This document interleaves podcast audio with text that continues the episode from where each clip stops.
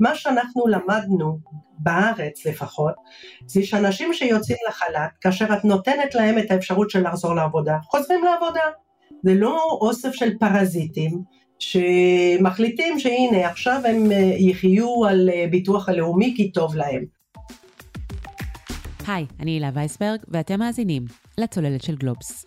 בפרק היום נשאל שאלות כלכליות בוערות. למשל, איך מתמרצים עובדים לעבוד כשיותר ויותר מעסיקים מוציאים עובדים לחל"ת? מה יקרה למחירים במשק, זאת אומרת לאינפלציה? האם היא תעלה או דווקא תרד? ומהן ההשלכות ביחס לריבית בנק ישראל? ונדבר גם על מחירי הדיור, על דירוג האשראי של ישראל ועל החוסן, החוסן הכלכלי שישראל הראתה עד היום בתקופת מלחמה. על כל אלה נדבר עם דוקטור נדין בודו טרכטנברג, שהייתה המשנה לנגידת בנק ישראל בשנים 2014 ועד 2019. כיום היא סגנית יושב ראש הבנק הדיגיטלי אש ומרצה לכלכלה באוניברסיטת רייכמן. שלום דוקטור נדין בודו טרכטנברג. שלום, בוקר טוב. היום נדבר בעיקר על הצעדים הכלכליים שנדרשים כעת במשק, אה, אבל לפני הכל נתחיל עם החלטת הריבית של בנק ישראל מהשבוע. הנגיד פרופסור אמיר ירון והוועדה המוניטרית החליטו על השארת הריבית על כנה בגובה של 4.75 זו הייתה הציפייה הרווחת בשוק, אבל עד לפני פרוץ המלחמה דובר אפילו על העלאה נוספת של הריבית כחלק מההתמודדות עם האינפלציה. מצד שני, כשיש חשש ממיתון, כפי שקורה עכשיו, ורוצים לעודד פעילות כלכלית, הכלי שבו משתמשים הרבה פעמים הוא הורדת ריבית דווקא. אז uh, כמי שמכירה היטב את השיקולים ואת המנגנונים שמנחים את הוועדה המוניטרית, איך לדעתך בנק ישראל צריך להתמודד עם המלכוד המסוים הזה? מהם השיקולים שלו, ומה השיקולים שהנחו אותו, לדעתך, בהחלטה הנוכחית? החלטת הריבית היא מאוד קוהרנטית בזה שאנחנו כבר עם רמת ריבית נמוכה מזה של הריבית בארצות הברית. את יודעת, אם אנחנו היינו מורידים ריבית כדי לעודד פעילות כלכלית, קודם כל יש ספק שזה היה עובד, אנחנו לא בדיוק במצב רגיל שחצי אחוז ריבית משפיע על ההחלטת השקעה שלנו. ולכן כלי הריבית ברגעים האלה הוא לא מאוד רלוונטי לפעילות הריאלית של המשק. מצד שני היא מאוד רלוונטית לפעילות הפיננסית, להזרמי ההון בין פול ולחו"ל. אני חושבת שההחלטה של בנק ישראל היא החלטה לא רק נכונה, היא גם קוהרנטית בכלים האחרים שהבנק השתמש בשבועיים האחרונים. השאלה היא, את יודעת, באמת, מה צפוי לקרות בעתיד? ככל שהמלחמה תתקדם ובאמת המשק אה, עלול לגלוש להאטה, למיתון, האם את צופה שכן תהיה הורדת ריבית? האם אולי ירצו לרסן את האינפלציה ואז אולי נראה העלאה של הריבית? איך את צופה את uh, התמשכות הפעילות הזו של בנק ישראל? קודם כל ההמשך של הפעילות במשק היא כמובן מה שיגבה את המדיניות המוניטרית. זאת אומרת, לאחר השוק הגדול שאנחנו חווינו, ויכול להיות שיהיו לנו עוד שוקים אה, בהמשך, אבל בואו נגיד ככה, ההפתעה תהיה בכל זאת קצת פחות גדולה מאשר ההפתעה שהייתה לנו לפני שבועיים וחצי, ופה אנחנו כמעט נמצאים במצב שהיינו עם פרוץ הקורונה.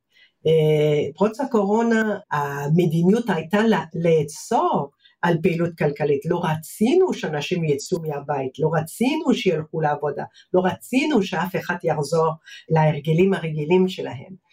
והיא הייתה הרבה אי ודאות לגבי כמה זמן נהיה ככה, ואיך אנחנו ננהל את המצב הזה. עכשיו אנחנו טיפה באלמנט הזה לגבי האי ודאות. האי ודאות הגדולה פה היא לכמה זמן הפעילות הכלכלית תהיה ממותנת, והיא תהיה ממותנת בראש ובראשונה בגלל שיש לנו 300 אלף אנשים שבמילואים, ויש לנו מה שאני קוראת המילואים ניקיות, שרובם הם נשים שהן בבית שמטפלות בילדים, אז גם זה אנשים במילואים, וכמובן התעשיות המסוימות שמאוד נפגעות, כמובן תעשיית הבנייה, עצירת התעשיות שנמצאות בדרום, בצפון, וכמובן התיירות. אז יש אה, כל האלמנטים האלה כמובן מצביעים על האטה כלכלית. עכשיו, נכון שהאטה כלכלית בעיקרון צריכה אה, להתלוות באולי רמת נמוכה יותר באינפלציה ולכן רמה נמוכה יותר בריבית. אבל פה שאלת האינפלציה היא גם סימן שאלה, דומה למה שראינו בקורונה. כי זה נכון שבצד אחד יש לנו ביקושים שהם יותר נמוכים, אבל בצד שני יש לנו גם היצע שהיא יותר נמוכה. כי אנחנו מייצרים פחות כי אנשים במילואים או אנשים בבית מטפלים בילדים. ולכן לאיזה כיוון האינפלציה בחודשים הקרובים זה עדיין מאוד מאוד בסימן שאלה. אנחנו ראינו בקורונה, בהתחלה ראינו ירידה במחירים, ירידה באינפלציה, ואחרי זה עלייה באינפלציה. ואני חושבת שבנק ישראל גם מאוד רוצה לדעת לאיזה כיוון אנחנו נמצאים באינפלציה. אז ציפיות האינפלציה כרגע, לפי מה שאנחנו קוראים בעיתונים, שרואים בשווקי ההון, הם של אה, אינפלציה יחסית ממותנת. זאת אומרת, הציפיות אה, לטווח יותר ארוך הם שאנחנו נהיה באינפלציה שתאפשר הורדת ריבית. אבל זה מאוד מאוד לא בטוח שזה מה שנראה בחודשים הקרובים. ולכן ההמתנה של בנק ישראל לעשות מהלך היא נכונה. אין לנו מספיק uh, מצב ברור יותר כדי לדעת לאיזה כיוון אנחנו הולכים. והיציבות של השווקים הפיננסיים מאוד מאוד חשובה בשלב זה. זאת אומרת שאנחנו ככל הנראה לא נראה עוד העלאות ריבית, אה, אם אני מבינה אותך נכון, אלא דווקא נלך אולי אפילו לכיוון של הורדות, אבל צריך לראות מה יקרה במשק, עד כמה באמת נלך לכיוון של האטה. גם מה יקרה במשק ומה יקרה במטח. בנק ישראל ירצה למנוע פיחות אה, יתר, פיחות מהר מדי, וזה לפעמים אה, דורש גם עלייה בריבית. אני חושבת שהגודל של הרזרבות מטח נותן לנו ונתן לנו, אנחנו ראינו את זה בשבועות האלה, נותן לנו כרית לספוג אה, בצורה די טובה זעזועים כאלה, אבל לפעמים זה לא מספיק. כי בעצם אה, נושא של היחלשות של השקל עלולה להוביל להתייקרויות, לעליות מחירים, דבר שיכול להוביל להעלאה של הריבית, אבל בנק ישראל בעצם נקט בצעד אחר של מכירת המטח כדי לנסות להתמודד עם זה באופן אחר. אז כפי שאת אומרת, צריך פשוט לראות לאן דברים ילכו בעתיד, ובהתאם לכך גם יהיו הפעולות. נכון. יש גם כל מיני פרשנויות שאני שומעת באמת לגבי נושא של, של המחירים עצמם, אם אנחנו נראה עליות של המחירים, האם נראה ירידות של המחירים, יש דבר שעלול לקרות בעת מלחמה, מצד שני כאמור יש פיחות של השקל. באמת גם בגזרה הזו אה, יש איזושהי אי ודאות. לאן את חושבת שזה עשוי ללכת? הרי כאשר אנחנו מדברים על עליות מחירים, ירידות מחירים, מה שחשוב עבור המדיניות המוניטרית זה קודם כל לעשות את ההבחנה האם אנחנו רואים משהו זמני או משהו מתמשך. ומשהו מתמשך צריך לחכות, אין דרך אחרת מאשר אה, לדעת האם זה מתמשך. לחכות או לראות האם יש עוד סימנים אה, שזה חודר למקומות אחרים. ולכן האם המחירים יעלו או ירדו, אה, יכול להיות שנראה הורדת מחירים אבל זמנית, או יכול להיות שנראה עליית מחירים זמנית, ויש אה, לכאן או לכאן, אה, כנראה נצטרך לעשות יותר יבוא במוצרים מסוימים בגלל פגיעה גם בחקלאות למשל, אה, האם המחירים האלה יהיו גבוהים יותר? יש להניח שכן, כי בכל זאת השקל נחלש. השאלה הגדולה, אני בטוחה שכולנו שחיים פה בארץ שואלים את עצמנו, זה מה יהיה במחירי דיור. שאלה טובה, שאלה טובה מאוד. ומחירי דיור, אנחנו יודעים, אה, יש מחירי דיור ויש מחירי שכר דירה. ואנחנו ראינו שבשנה האחרונה מחירי דיור התחילו לרדת בקצת, כאשר השכר דירה, דווקא המחירים שם לא יורדים.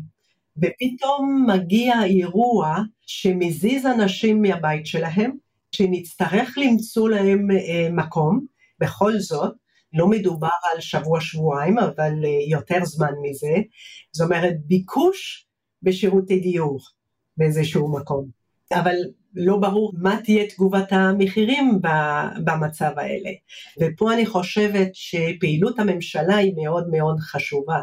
אנחנו לא יכולים להשאיר את זה לגמרי לשוק הפרטי פה, כי זה בכל זאת אירוע לאומי, זה לא אירוע של שוק הפרטי. אה, אבל זה ברור שגם הפעילות בסקטור הבנייה היא פעילות שמאוד התמתנה, דבר שעלול לעצור על המשך ירידה במחירי דיור שאנחנו ראינו במחצית השנייה של השנה. ולכן אה, אה, כאשר אנחנו רואים את החשיבות של או להביא עובדים חדשים, עובדים זרים חדשים שיוכלו לעבוד בבנייה. זה לא כדי רק להשפיע על הפעילות הכלכלית של היום, אלא שאנחנו צריכים לחשוב גם קדימה, מה יהיה בשוק הדיור קדימה. אז אנחנו נהיה במצב אה, קצת, הייתי אומרת, קצת מוזר, שבצד אחד יש לנו ירידה בפעילות הכלכלית, אבל עלייה במחירי שכירות, ואולי ירידה במחירי דיור. מה את חושבת צפוי לקרות בגזרה של דירוגי האשראי של ישראל? מודי'ס כבר הודיעה שהיא עשויה להוריד את הדירוג אה, נוכח המלחמה. את מאמינה שזה מה שיקרה? בעוד כמה חודשים היא צפויה בעצם אה, להוציא את ההודעה שלה לגבי דירוג האשראי של ישראל. כן, זה תלוי בהרבה דברים. ללא ספק, הסיכון הגיאופוליטי מאוד עלה. ולכן הדירוג האשראי הוא תלוי לא רק בפעילות הכלכלית, במדדים של חוסן כלכלי, הוא גם מאוד תלוי במדדים של חוסן פוליטי וגיאופוליטי. בשנה האחרונה החוסן הפוליטי פנים מאוד נפגע, ועכשיו מה שהאירוע הזה מזכיר זה שהחוסן, היציבות הגיאופוליטית, אז זה כבר שני אלמנטים שכמובן שהחברות דירוג צריכות לקחת בחשבון ושמצביעות על הורדת דירוג. האם זה יהיה או לא יהיה, זה תלוי בשני דברים. הדבר המרכזי בעיניי הוא שאם יש לנו בטווח הקצר התארגנות, הייתי אומרת ניהולית פוליטית, עם ראייה רחבה, לא רק לגבי ניהול המלחמה, אלא גם ניהול הכלכלי של המשק, גם ניהול הקואורדינציה בין המשרדים השונים.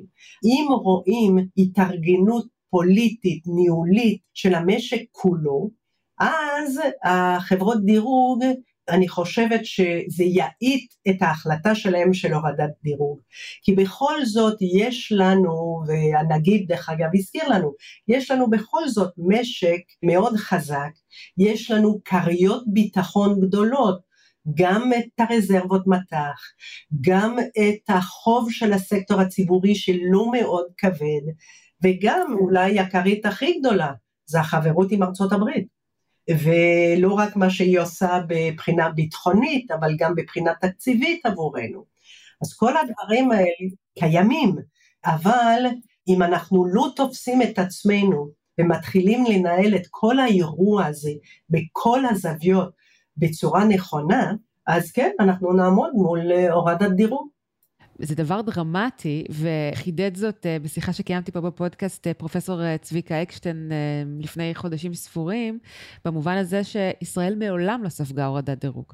אף פעם לא. היינו תמיד בכיוון של כלפי מעלה, פחות או יותר. זה, זה באמת מאוד חריג ומאוד דרמטי. נכון, כמו הרבה דברים בחיים, זה משהו שלקח uh, 25 שנה לבנות את הרמת דירוג אה, הלאומי שיש לנו עכשיו, ולאט לאט זה התחיל בסוף שנות התשעים, וכל פעם הייתה לנו עוד עליית דירוג, עוד, עוד עליית דירוג, וכמו הרבה דברים זה קשה לבנות, זה לוקח זמן וזה קל להרוס. אנחנו נמצאים בפתחה של מלחמה שעשויה להיות חריגה מאוד בהיקפי התקציב שהיא תדרוש, וגם מבחינת הכספים שידרשו לצורכי שיקום ולצורכי, הייתי אומרת, אפילו העלאת המורל, החזרת אנשים לבתים שלהם וכן הלאה. מה הם הצעדים הכלכליים שהכי חשוב לבצע עכשיו לדעתך? הייתי אומרת שניים. יש את הצעדים המיידיים. הצעדים המיידיים הם כמובן בראש ובראשונה לסייע לאנשים שנפגעו ישירות, גם למשפחות, אה, גם לעסקים, אז זה פה צריך אה, פעולה מיידית ובינתיים הסימנים שיש זה שוב יש ניהול לא נכון של הדברים האלה. אז זה, זה קודם כל זה דברים מיידים וגם דברים גם שהם גם הייתי אומרת צדדים מיידים שהם לא לגמרי תקציבים אבל הם מאוד חשובים היקף המצב היום, זה אפילו בלי כניסה קרקעית ובלי אה, שום דבר בצפון, יש לנו צווארי בקבוק בתעשיות אה, מסוימות. למשל, אנחנו במחסור בנהגים בכל מיני מקום, ולכן אתה לא יכול להניע את הסחורה ממקום למקום. זה שתעשיית הבנייה מאוד נפגעה כי הפלסטינאים לא באים לעבוד. אז פה צריך צעדים שמיידים כדי לעזור. פעילויות uh, מיידיות שזה לא קשה לעשות, זה גם מבחינה תקציבית בשביל הסיוע המיידית, אנחנו לא מדברים בתקציבים ענקים. הדבר השני שהוא מאוד, מאוד חשוב להתחיל כבר היום, למרות שלא היום אנחנו אה, נוציא את הכסף, זה לפתוח מחדש את תקציב 2024. התקציב 2024 הוא אה, נחקק בתקופה אחרת לגמרי, ועכשיו זה ברור לכולם שהגירעון הוא יהיה בסדר גודל אחר, אבל זה לא רק הגירעון, זה לא רק המעטפת התקציב שצריך לחשוב עליה, שבבחינת אה, גודל הגירעון, גם צריך לחשוב על הקצאת ההוצאות בתקציב. וגם מאוד מאוד ברור שהסדר עדיפויות של 2023 מאוד מאוד מאוד לא מתאים ל-2024 וגם ל-2025. המלחמה הזאת גם מציפה את כל הבעיות הקודמות שאנחנו ידענו שיש לנו, גם במערכת החינוך, גם במערכת הבריאות, גם בתחבורה. אה, כל הדברים האלה צצים שוב בצורה מאוד מאוד קשה. התקציב של 2023 לא כל כך התייחס לזה, כי הסדר עדיפויות היה אחר. המצב המלחמתי הזה והפעילות הפעילות הכלכלית הממותנת באמת דורש להתחיל כמעט מאפס את תקציב המדינה, ולא לעשות תיקון קטן בסעיף כזה או אחר של התקציב של 2023. ואולי על זה אני גם אוסיף דברים מסוימים, שזה דברים שאתה לא שומע הרבה על ידי הכלכלנים עם הרבה טסטוסטרון. יש תחומים בארץ שאנחנו יודעים שהם בחוסרים מאוד גדולים. אנחנו יודעים למשל שכל המעטפת של העובדים והעובדות הסוציאליות הוא מאוד מאוד חלש בארץ. אנחנו יודעים שבתחום של הגיל הרך של הילדים הקטנים מה שאנחנו מספקים הוא מאוד חלש, מאוד נמוך לעומת מדינות אחרות.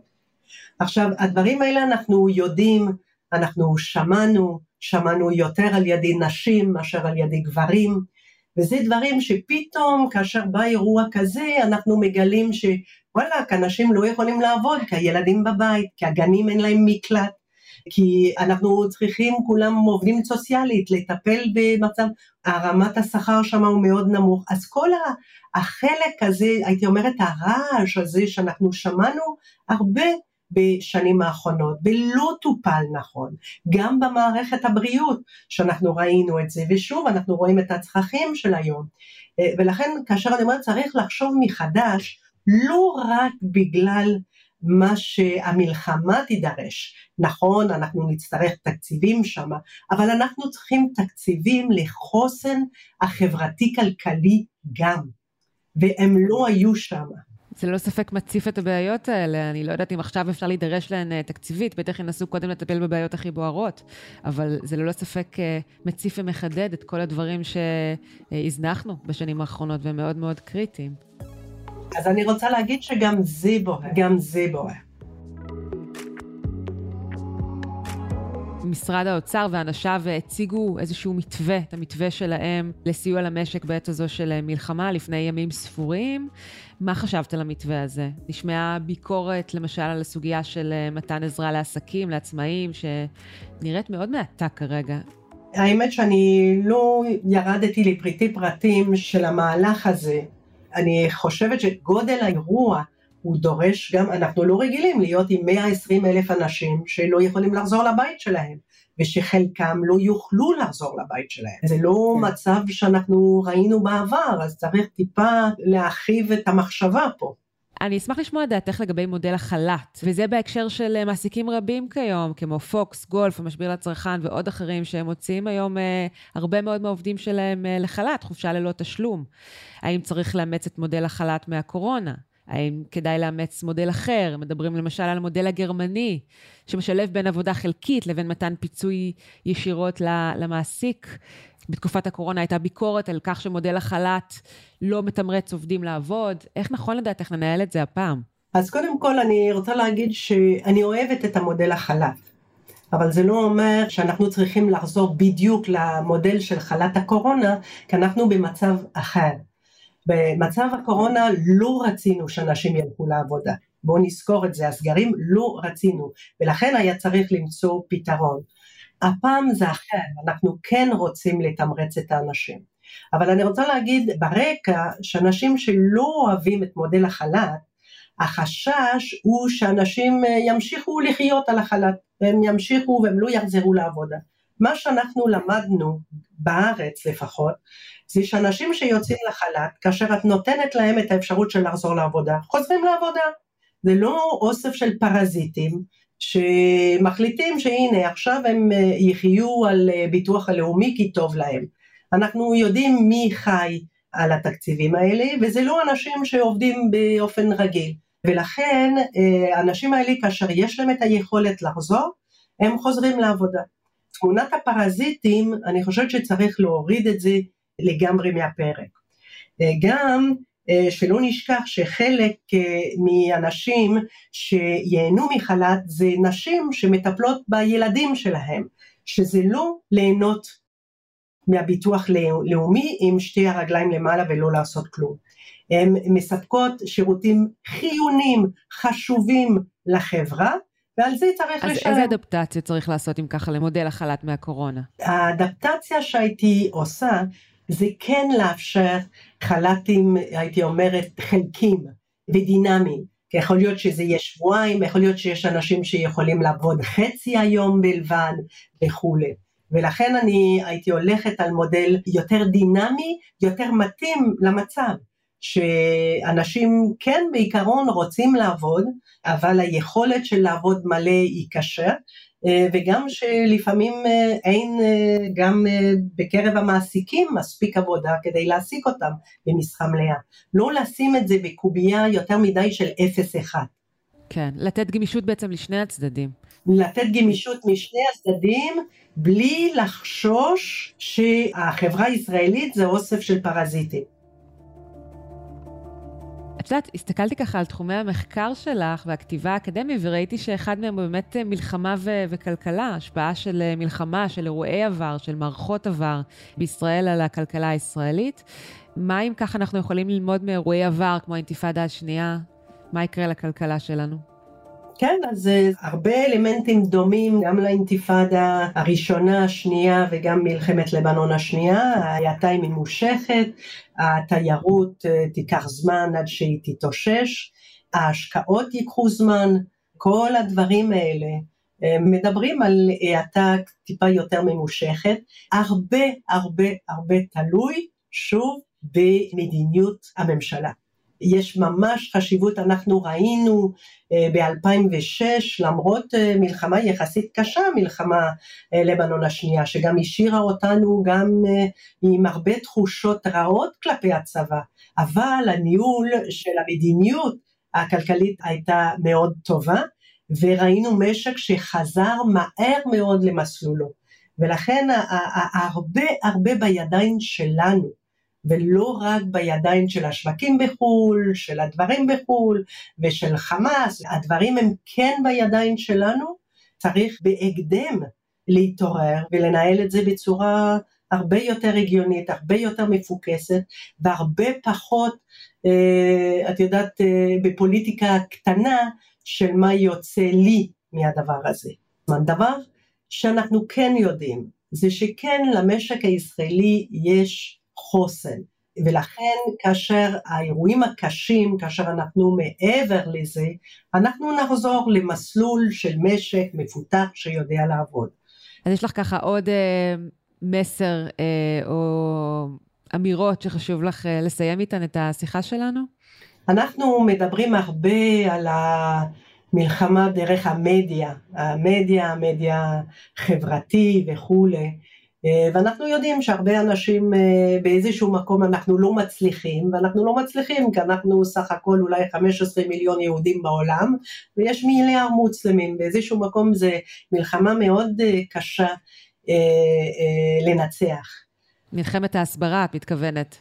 גם הסברה, גם ביחסים. עם אנשים ועוד יותר עם דור צעיר יותר שהתודעה שלהם עוצבה על ידי המדיה החברתית. אחד מן הדרך אה, להילחם בזה זה דווקא דרך הכלכלה. אם אנחנו מראים שאנחנו מסוגלים לבנות חברה עם כלכלה משגשגת, עם עתיד לאזרחיהם, עם מוסדות שלטון שדואגים לאזרחים, אז זה מין אור ש... ואנחנו השתמשנו עם ה Start-Up Nation בעשור האחרון, וזה משהו שכמעט שאין לה השוואה בעולם, אנחנו יוצא דופן, והמדיה תמיד אוהב לדבר על דברים יוצא דופן. אז אם אנחנו יוצאים מזה גם מחוזקים, גם כלכלי, גם חברתי, גם מבחינת המוסדות, אז אה, אנשים ידברו עלינו גם בצורה טובה. ולא רק בצורה של הקונפליקט. טוב, אני חייבת להגיד שזו אחת השיחות היותר אה, אופטימיות שניהלתי בזמן האחרון, אז אני ככה שמחה על המסרים החיוביים אה, שהעלית אה, ככה לקראת סיום.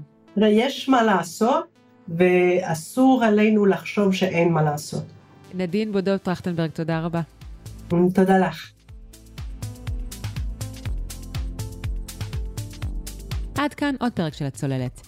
אתם יכולים למצוא אותנו באתר גלובס, בספוטיפיי או בכל אפליקציית פודקאסטים. נשמח אם תעשו לנו subscribe, ואם אהבתם, דרגו אותנו גבוה, ושילחו את הפרק לחברה או חבר שאתם אוהבים. עורך הסאונד הוא ניר לייסט. אם יש לכם הצעות למרואיינים, לנושאים לפרקים או תגובה מכל סוג שהיא, אתם מוזמנים תמיד לשלוח לי מייל בהילה, H-I-L-A, מקף אמצעי W, את גלובס, G-L-O-B-E-S, נקודה co, נקודה il, או לחפש אותי במדיות החברתיות השונות. תודה לכולכם שהאזנתם, אני הילה וייסברג, נתראה בפעם הבאה. נקווה לשבוע שקט. ביי ביי.